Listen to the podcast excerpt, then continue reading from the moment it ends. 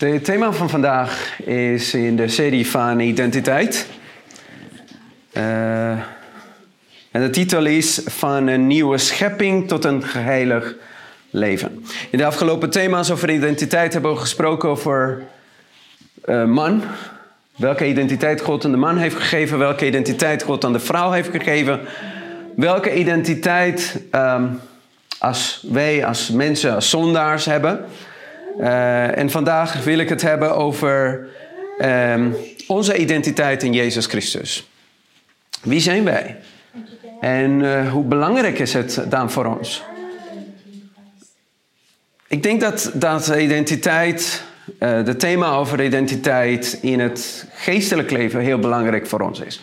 Als wij denken dat wij zondaar zijn, dat wij slecht zijn, dat we verkeerd doen, dat er niks in ons goed is, hebben we misschien de neiging zo van, nou ja, laat maar zitten, ik kan, ik kan het sowieso niet.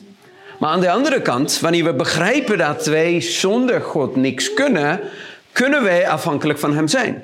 Gaan we naar Hem toe, zoeken we Hem uit.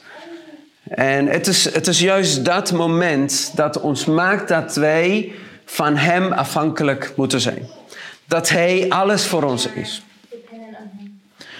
Um, het ontbreken van een duidelijke identiteit leidt tot verwarring. Het, het verhindert een volledige groei in ons leven. En het kan ook een hinderpaal zijn voor geluk. En het kan ook God onteren. Het beste is om even terug te gaan naar het begin. Om te weten wie wij zijn. In Genesis hoofdstuk 1 vers 26 lezen wij dat de mens, Adam en Eva, gemaakt werden naar Gods beeld en gelijkenis. En vanwege zonde is de mens teruggegaan, is de mens gevallen, is de mens verkeerd geworden. Zijn karakter is dus niet meer zoals die van God. Want in het begin was zijn karakter volmaakt, hij was heilig. Maar vanwege zonde is hij dan weg, terug, gevallen, verkeerd, zondig. En dat hebben we ook vorige keer gezien. Zondig in zo'n situatie. Maar wat gebeurt daarna? God wil dat wij hersteld worden. God wil dat, hij, dat wij terug mogen komen naar Hem toe. Dat wij net als Hem mogen zijn. En dat is wat wij in het boek van Romeinen kunnen lezen. Als we lezen in het boek van Romeinen, hoofdstuk, um, hoofdstuk 8, vers uh, 29.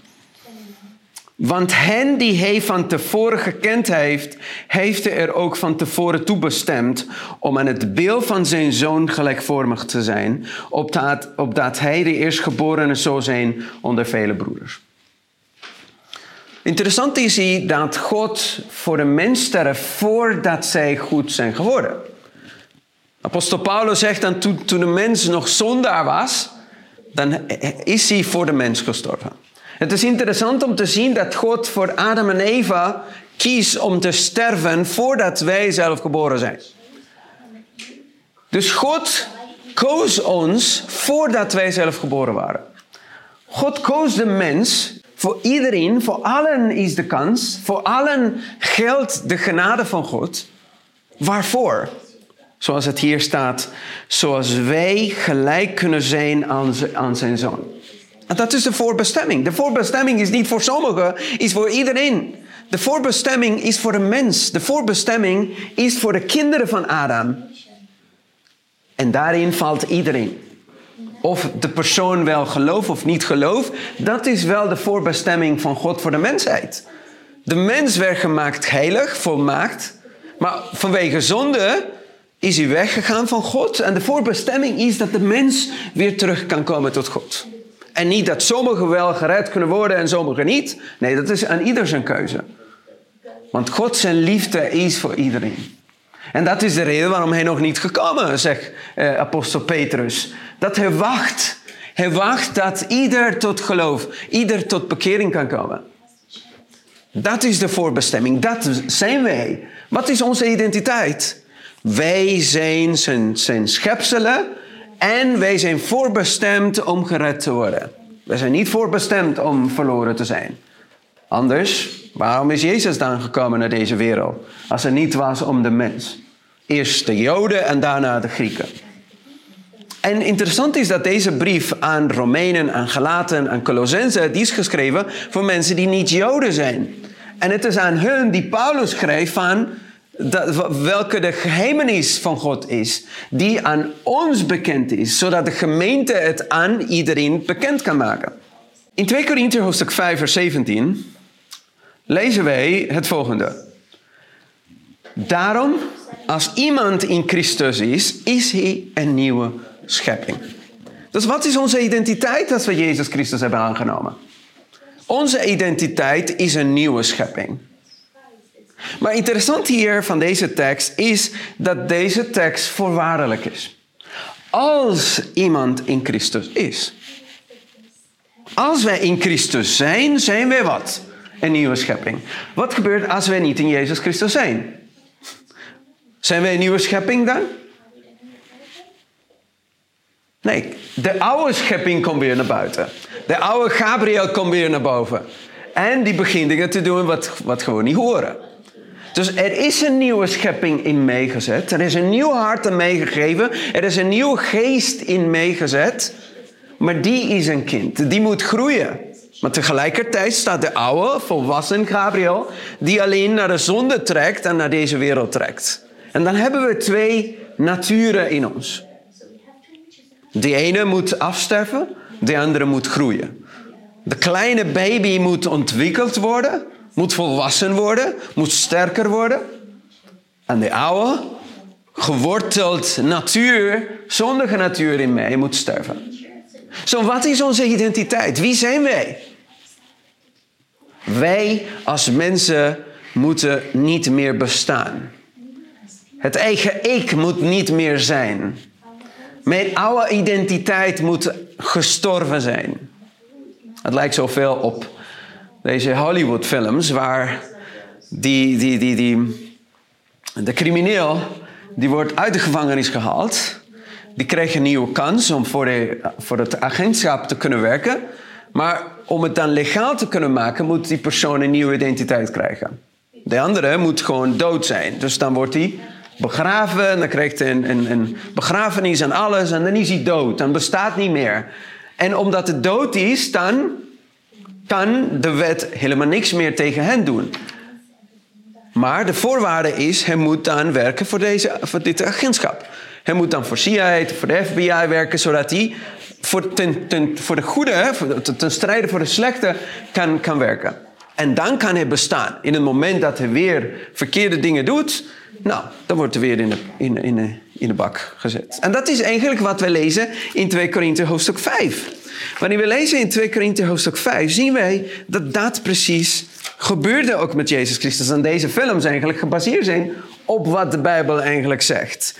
2 Korinthe hoofdstuk 5 vertelt ons, vers 14, van de liefde van Christus dringt ons. En op welke manier bereikt hij ons? Op welke manier dringt hij ons? Daar wij tot het inzicht gekomen zijn dat één voor allen gestorven is. En wat gebeurt met ons allemaal? Dan zijn ze allen gestorven.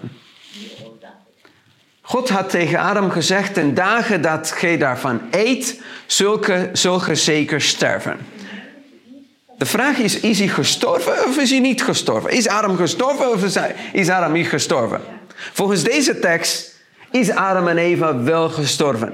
Wettelijk zijn ze beiden gestorven op datzelfde moment. En dat legt uit waarom Adam en Eva blijven leven. Dat is de reden waarom Kain geboren is, Abel geboren zijn, Seth en alle anderen geboren zijn. Omdat ze niet meer het oude waren. Ze hadden de genade van God ontvangen vanwege de dood of die, het offer van Jezus Christus. Hij is voor allen gestorven en ze zijn allen gestorven. Dus de vraag is, wie bent u? Wie bent u? Ik ben dood. En dat is eigenlijk wat Paulus zegt. Ik ben dood. Ik ben met Christus gestorven. En het leven dat ik, het, dat ik heb, is nu meer die van mij. Als we verder lezen, zien wij in vers 19. Um, welke, eh, misschien kunnen we lezen van vers 18, en dit alles is uit God, die door Christus ons met zich verzoend heeft en ons de bediening der verzoening gegeven heeft. Dus wat heeft Jezus Christus gedaan? Hij heeft de wereld met zichzelf verzoend. Of de persoon gelovig is of ongelovig is, is met Christus verzoend. Is, is bevriend met Jezus Christus. Ja, maar de persoon gelooft niet in God. Hoe kan hij dan eeuwige leven ontvangen? Nee, hij ontvangt nog geen eeuwige leven. Hij moet nog beseffen wat Jezus Christus voor hem heeft gedaan. En vandaar dat vers 19 zegt, welke immers hierin bestaat dat God in Christus de wereld met zichzelf verzoenende was, door hun hun overtredingen niet toe te rekenen, en dat hij ons het woord de verzoening heeft toevertrouwd. Dus iedereen nu op dit moment is van Jezus Christus. Of hij gelovig is of, of niet. Hij is gewoon van Jezus Christus. Want dat is wat God heeft gedaan. Maar nu, voor hun die van Jezus zijn, wat is de boodschap? Weet u dat Jezus voor u gestorven is? Oh, echt? Ja? Weet u dat, dat u niet uit uzelf bent? Nee, nee, dat wist ik niet. Ja, u bent niet uit uzelf. Als het niet om Jezus was, dan zou u niet bestaan. Zou je geen kansen hebben? Zou je niet naar het werk kunnen gaan? Zou je helemaal niks kunnen doen? Oh, echt? Ja, dat is wat Jezus voor u heeft gedaan. En wat gebeurt er bij de persoon? Wat doet de mens dan op dat moment? De liefde van Jezus dringt de persoon. Hij komt tot bekering dankzij de liefde en de goedheid van God. Dus het is de goedheid van God, zegt apostel Paulus, dat ons tot bekering brengt. Het is de goedheid van God. En dan komt de volgende tekst die zegt, wij zijn dus gezanten van Christus, alsof God door onze mond u vermaande. In de naam van Christus vragen u, laat u met God verzoenen. Want de mensen zijn nog niet met God verzoend. Ze zijn, alleen gekocht door Jezus Christus. Ze zijn verlost door Jezus Christus. Maar ze zijn nog niet met God, met God verzoend. Ze zijn nog niet gerechtvaardigd. Ze zijn nog niet geheiligd. Ze zijn nog niet verlost. Ze hebben alleen het recht om hier op deze aarde te wonen. Dat is het enige. Maar de bonus is eeuwige leven als ze in Jezus Christus aannemen. Dat is de reden waarom God goed is met ieder mens. Hij stuurt zon en regen voor ieder mens. Of ze goed zijn of slecht zijn. Hij is gelijk. Hij behandelt iedereen gelijk. Hij heeft geen aanzien met personen. Iedereen krijgt dezelfde, dezelfde kansen. Nou, zo erg is het dat zelf, dat zelf um, de psalmist, in psalm 73 is het volgens mij, die zegt van, uh, dat hij dacht van, hoe komt het dat die mensen het beter hebben dan ik? En ik dan? Hoe, hoe komt het dat die mensen die ongelooflijk zijn, ze hebben het beter dan ik? En wij moeten pinaren, we moeten dan ja, problemen hebben soms, of, of moeilijkheden verzoekingen uh, meemaken. En dat is omdat God iedereen dezelfde kansen geeft. Iedereen gelijk.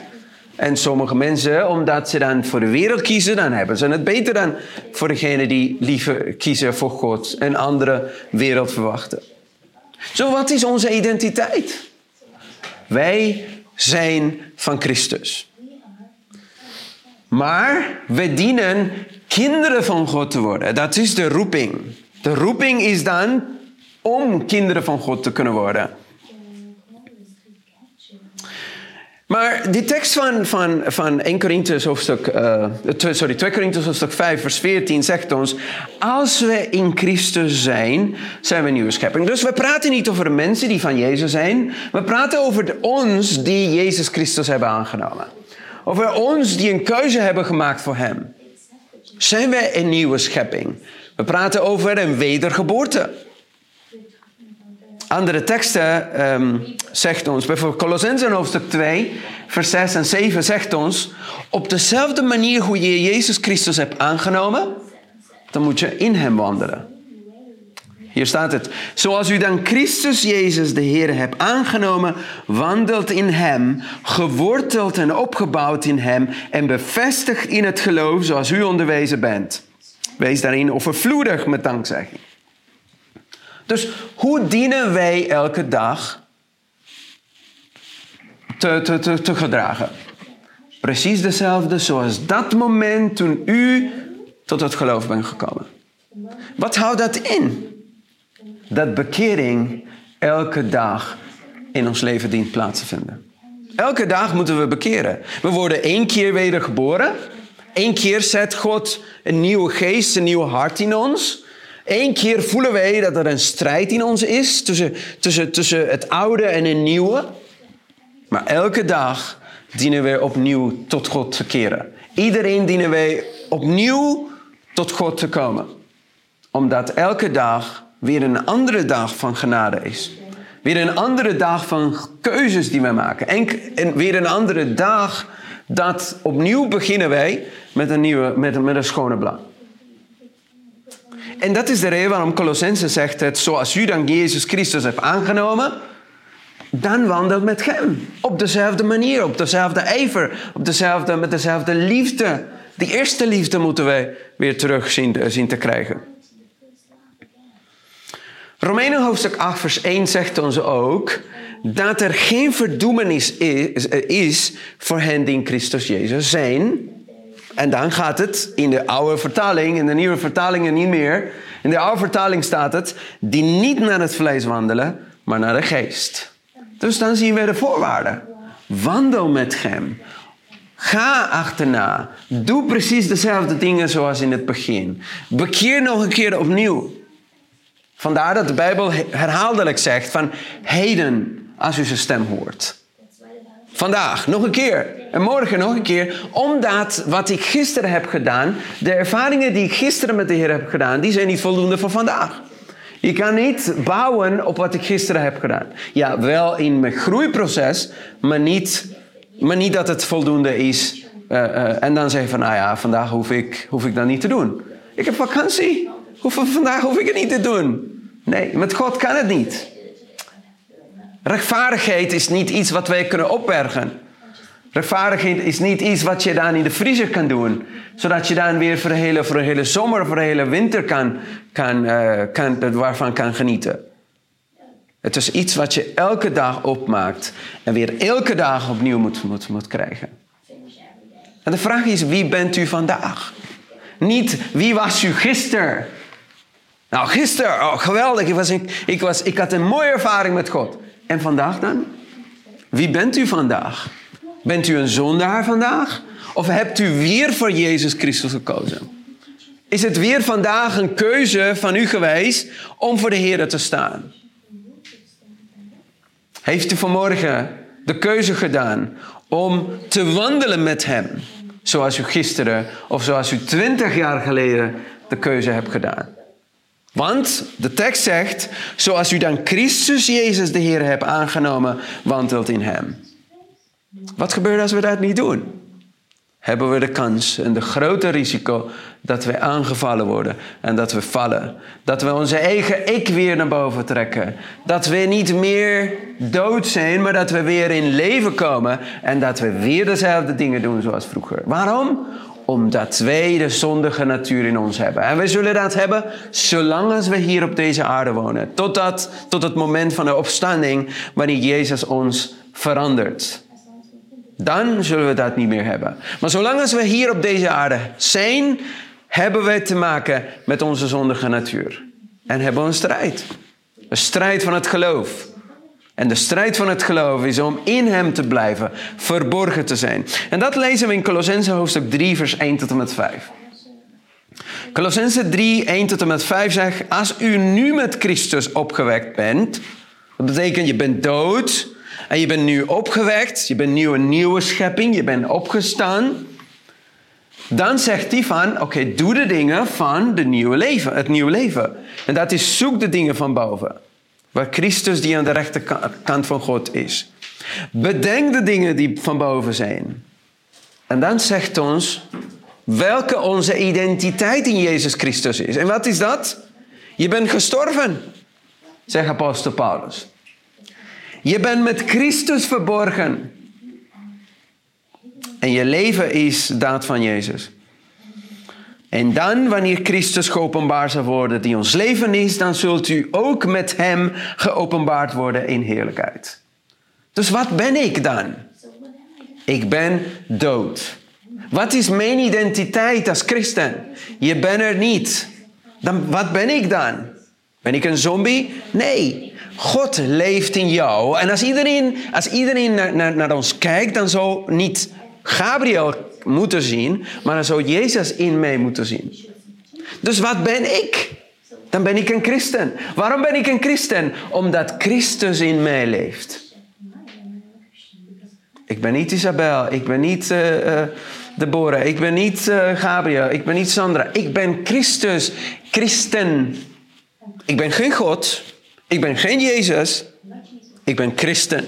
Een nieuwe identiteit die God mij gegeven heeft. Want de oude is voorbij.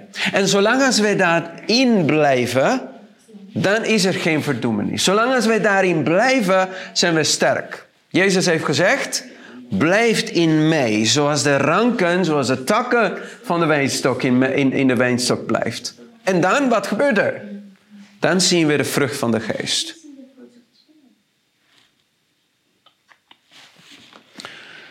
Zoek, bedenkt en dood zijn actieve woorden, werkwoorden die we hier in, in Colossense hoofdstuk 3 vers 1 tot en met 5 zien. En er zijn passieve werkwoorden, opgewekt, gestorven en verborgen. Dat zijn wij. En als we daar blijven, dan kunnen we zoeken de dingen van boven, bedenken de dingen van boven en doden de dingen die in ons of die in ons of vanuit ons probeert te, te spruiten. Het is interessant als we terugkeren naar Genesis, uh, hoofdstuk 3, vers 9 tot en met 11. De vraag die God stelt toen de mens had gezondigd. En de Heere God riep Adam en zei, waar bent u? En Adam zei, ik hoorde uw stem in de hof en ik werd bevreesd. Want ik ben naakt, daarom verborg ik mij.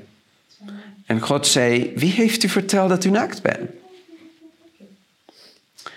De vraag wie bent u gaat samen waar, waar, waar u bent. God vroeg, waar bent u? En daarna kwam de vraag, of het, het gedeelte van identiteit. Ik ben naakt.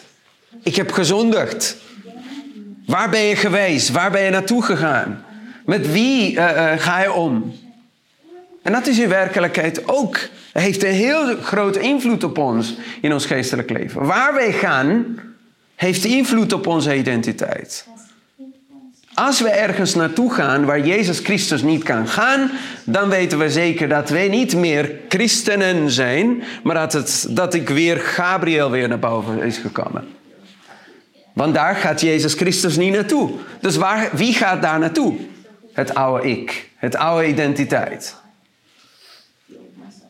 Zolang als wij Jezus Christus, of zolang als wij Jezus Christus mee kunnen nemen en overal waar we, waar we heen gaan Jezus kunnen meenemen, dan weten wij dat, dat, um, dat we veilig zijn, dat wij in Hem kunnen blijven. Anders stappen we eruit en doen wij wat, wat, wat verkeerd is. En dan is de kans dat wij ook weer vallen.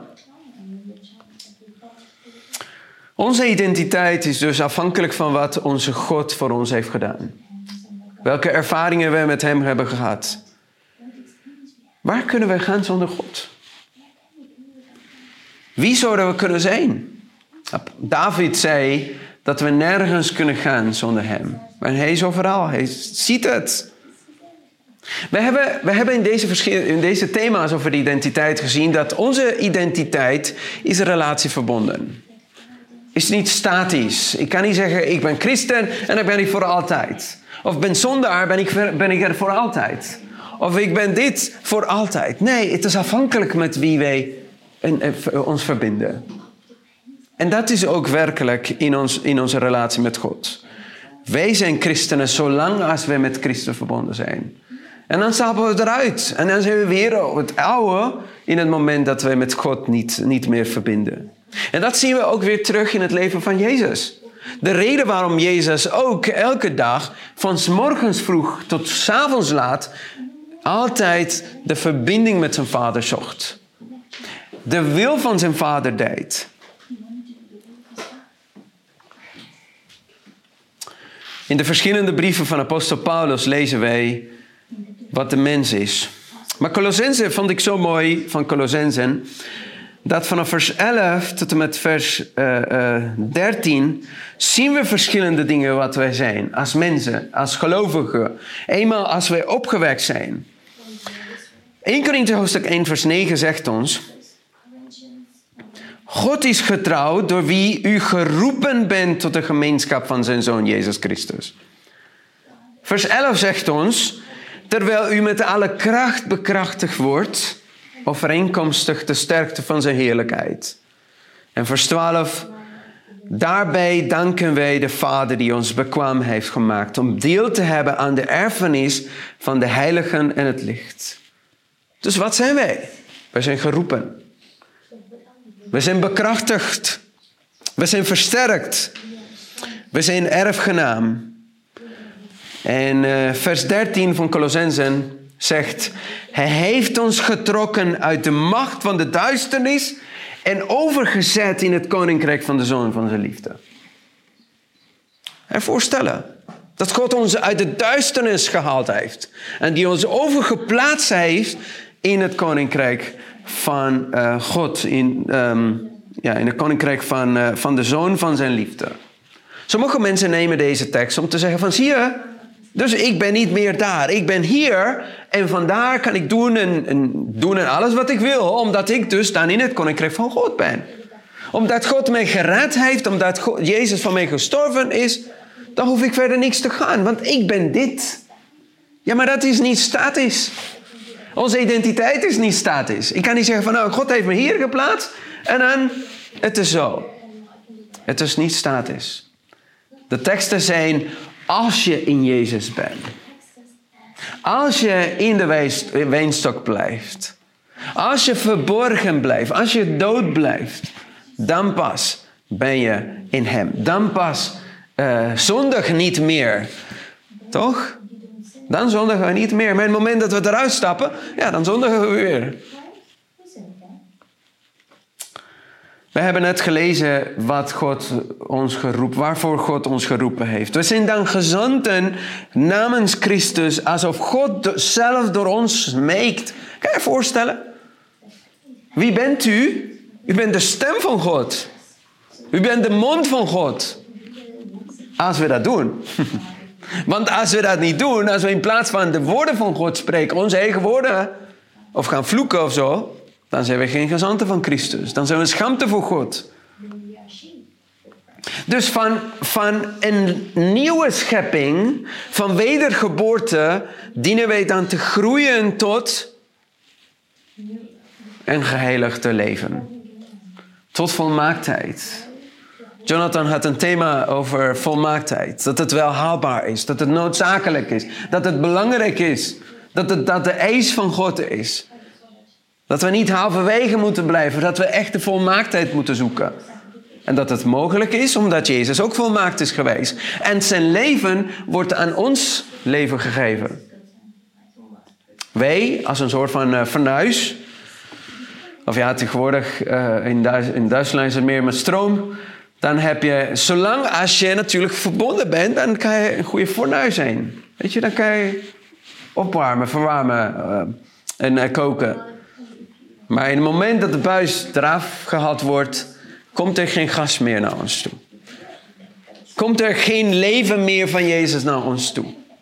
En wij zijn geen goed fornuis meer.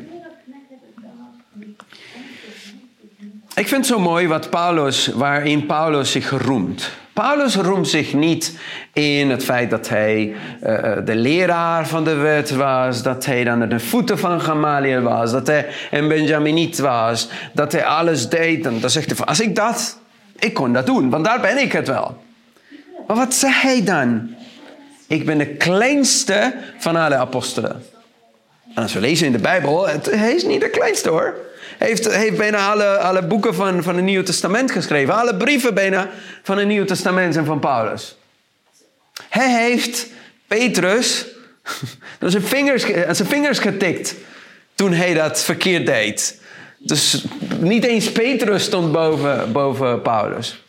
Nou, Paulus in kennis en alles. Hij kon alle andere discipelen gewoon de les geven. En toch zegt hij, ik ben er niet. Het is Jezus die in mij is. Hij is degene die zegt, ik ben dood. Met Christus ben ik gekruisigd en dan ben ik er niet. Toch zegt hij in Filippenzen hoofdstuk 3 vers 12. Niet dat ik het al verkregen heb. Of al volmaakt ben. Maar ik jaag ernaar. Om het ook te grijpen. Daartoe ben ik ook door Jezus Christus gegrepen. Dus pas op als we praten over volmaaktheid. Er is een waarschuwing hier aan verbonden. Als we over volmaaktheid spreken. En wat is de waarschuwing? De studie van het onderwerp over volmaaktheid kan gevaarlijk zijn voor je geestelijke gezondheid. Hm? In welke zin? Als je denkt dat je het al bereikt hebt. Als je, als je gedachten richt in je eigen dingen wat je doet. Oh, ik doe het al. Kijk. En dan vergelijken we onszelf met andere broers en zusters. Ik doe het wel, maar Janissa die doet het nog niet. Hè? Ze is niet goed bezig. Hè? Maar ik doe het al. Weet je? En dan vergelijken we ons met andere mensen. Pas op. Want dat heel, kan heel gevaarlijk zijn voor ons geestelijk leven. Elke keer wanneer onze aandacht gericht wordt op onszelf in plaats van op Jezus, vallen wij. Kijk het geval van Petrus. Zolang hij zijn ogen richtte op Jezus Christus, kon hij op het water lopen. In het moment dat hij omdraaide, dacht hij van... Oh, geweldig! Ik kan op het water lopen. Zakte meteen in het water. Er is een stukje van um, het geloof waardoor ik leef, die zegt van iemand die zich aanmatig volmaakt gedraagt, is echt niet volmaakt. Ja, daar heb je wel van de mensen die, die, die, die, letten en die kijken wel alle dingen wat ze hebben gedaan en hoe goed ze dat doen. En ze kijken neer op andere mensen die het niet goed doen. Dan, aanmatigend op dat moment, dan ben je echt niet volmaakt. Net als de Joden. De mensen die heilig in de boeken des hemels ingeschreven zijn, merken ze zelf niet dat zij, dat zij de laatste mensen zijn ehm, die, die, die eigenlijk kunnen zeggen dat, zij, dat ze goed zijn. Hoe dichter wij, een, stukje van een schrijven naar Christus, bladzijde uh, uh, 64 heb ik hier. Hoe dichter u bij Jezus komt, hoe meer u om volmaaktheden zult erkennen. Omdat u duidelijk uw beris zult kunnen zien aan het licht van de, van tegenstelling van zijn karakter. Dit is een zeker teken dat de bedrogen van Satan zijn kracht hebben uh, gegrepen. En dat de geest van God um, um, ja, ons moet uh, veranderen. Dus hoe meer, hoe hoger wij ons voelen, hoe lager wij zijn. Hoe lager wij ons voelen, hoe hoger wij zijn. Als wij ons vernederen, zal God ons verhogen. Maar dit is niet iets dat, iets dat maar één keer moet gebeuren. Dat is iets wat dagelijks moet gebeuren. Van Jeruzalem tot Rome, bladzijde 410 zegt: Als wij in Christus blijven, als de liefde van God in onze harten woont, zullen onze gevoelens, onze gedachten, onze daden in harmonie zijn met de wil van God. We verbinden ons met Hem. Zijn gedachte wordt mijn gedachte. Zijn wil wordt mijn wil. Alles, mijn daden worden in harmonie met de wil van God. Het geheiligde hart is in overeenstemming met de voorschriften van wet. Van Gods wet. De Heere wenst dat al zijn zonen en dochters gelukkig, vreedzaam en gehoorzaam zijn. Door de oefening van het geloof komt de gelovige in het bezit van deze zegeningen. Door het geloof kan in elke tekort van het karakter worden voorzien. Dat is zo mooi. Als wij in Hem blijven, elke tekort die we hebben, daarvoor wordt het voorzien. Kan elke verontreiniging worden gereinigd? Kan elk gebrek verbeterd en elke bekwaamheid ontwikkeld worden? Kan je je voorstellen? Gebreken, uh, tekortkomingen, verontreinigheden, onbekwaamheden. Voor alles is er voorzien door de genade van Jezus Christus. Niet uit, niet uit onszelf. Niet omdat God ons vult als wij, alsof wij de, banden van, van onze fietsen gaan pompen. Of zo. Nou, daar gaat een christen in. Helemaal opgeblazen van de Heilige Geest. Nee, zo werkt het niet. Als dat zo was, dan worden we zo weer, weet je, helemaal leeg. Het is niet zo. Hoe is het dan? Wij zijn niet, ja, en dan, sorry dat ik, dat ik dit woord gebruik, want dan wordt het wel in de Bijbel. Wij zijn niet gevuld met de Heilige Geest. We zijn bewerkt door de Heilige Geest. Dat is wel een verschil. Als wij gevuld zijn, dan is het echt van, we zijn alleen vol van lucht en helemaal niks van binnen. Maar als we bewerkt zijn door de Heilige Geest, betekent dat we elke dag gewandeld hebben en onze daden zijn niet onze daden, maar, maar, maar zijn als gevolg van het werk van Gods werk, werk in ons. Maar uiteindelijk staat het in de Bijbel dat dat zijn de werken van de rechtvaardigen. Ik lees een citaat, die vind ik altijd zo leuk, uh, zo mooi om uh, uh, hoe, hoe dat staat hier beschreven. En dit stukje van gedachten van de berg der zalensprekingen hier staat. Indien het mogelijk zou zijn de invloed, van, de invloed van de geest van God met honderdvoudige kracht op u te doen inwerken, dan zou u dan toch niet tot een christen maken. Dat bedoelde ik met, dan ben je niet zomaar gevuld. Als, als, als Gods geest met honderd keer, dan zou je niet tot een christen maken. Je bent niet, je bent niet een christen op zo'n manier. De vesting van Satan zou niet verbroken worden. De wil moet aan de zijde van Gods wil geplaatst worden. En dan werkt God in ons. Het proces hier van Jeruzalem tot Rome, bladzijde 388. Het proces van verandering van onheiligheden tot heiligheid gaat steeds voort. Dag en dag werkt God voor de heiligmaking van de mens. En de mens moet met God samenwerken door een voortdurend strijven naar de ontwikkeling van juiste gewoonten. Hij moet geheel op de genade bouwen. En terwijl hij op die manier zijn best doet, werkt God aan zijn volmaaktheid. Dus we doen ons best, wij strijven, we strijden om in hem te blijven. En dan werkt God aan onze, um, aan onze volmaaktheid. Mozes had een crisis, of een, sorry, hij had een crisis van identiteit. Hij wist niet echt wie hij was. Toen God hem riep om, om uh, zijn volk te gaan, uh, te gaan bevrijden. Ik ben er niet. Ik kan er niet. Ik weet het niet. Stuur iemand anders. Hij had echt een identiteitscrisis. En wat, wat heeft God gezegd? Ik ben die ik ben. Ja, heren, ik ben er niet. Ja, maar ik ben er wel. Ja, maar ik kan er niet. Maar ik ben die ik ben. Ja, maar hoe doe ik het, Heer? Waarom stuurt u niet? Maar ik ben die ik ben. Dus elke keer als u een crisis van identiteit heeft, dat u niet meer weet wie u bent, ja, ben ik echt een christen? Ben ik echt in de juiste plaats? Waar moet ik hier? Maar de Heer heeft hetzelfde antwoord. Ik ben de ik ben. God is het antwoord op onze identiteitscrisis. Hij is er. Hij is er voor ons. Hij is, hij is er om ons te helpen. Hij is er om ons te begeleiden. Hij is er om ons te leren. Hij is om ons mee te gaan om het werk te doen dat we hebben. En wat doen wij als wij, als wij met God bezig zijn geweest, als wij in Hem hebben gewandeld, dan gaan we hetzelfde doen wat Jezus Christus heeft gedaan. Vandaar dat wij christenen zijn. Dus laten we de naam van God niet schamen. Laten we God niet schamen met onze gedrag, met onze woorden, met onze daden. Op het werk, op school, waar wij ook mogen zijn. Laten we dezelfde zijn. Laten we christenen zijn. Dat mensen kunnen zien wie wij zijn. Dat mensen tot God getrokken kunnen worden door ons invloed. Dat wij een licht kunnen zijn. En dat andere mensen God kunnen um, verheerlijken is mijn wens en gebed. Amen.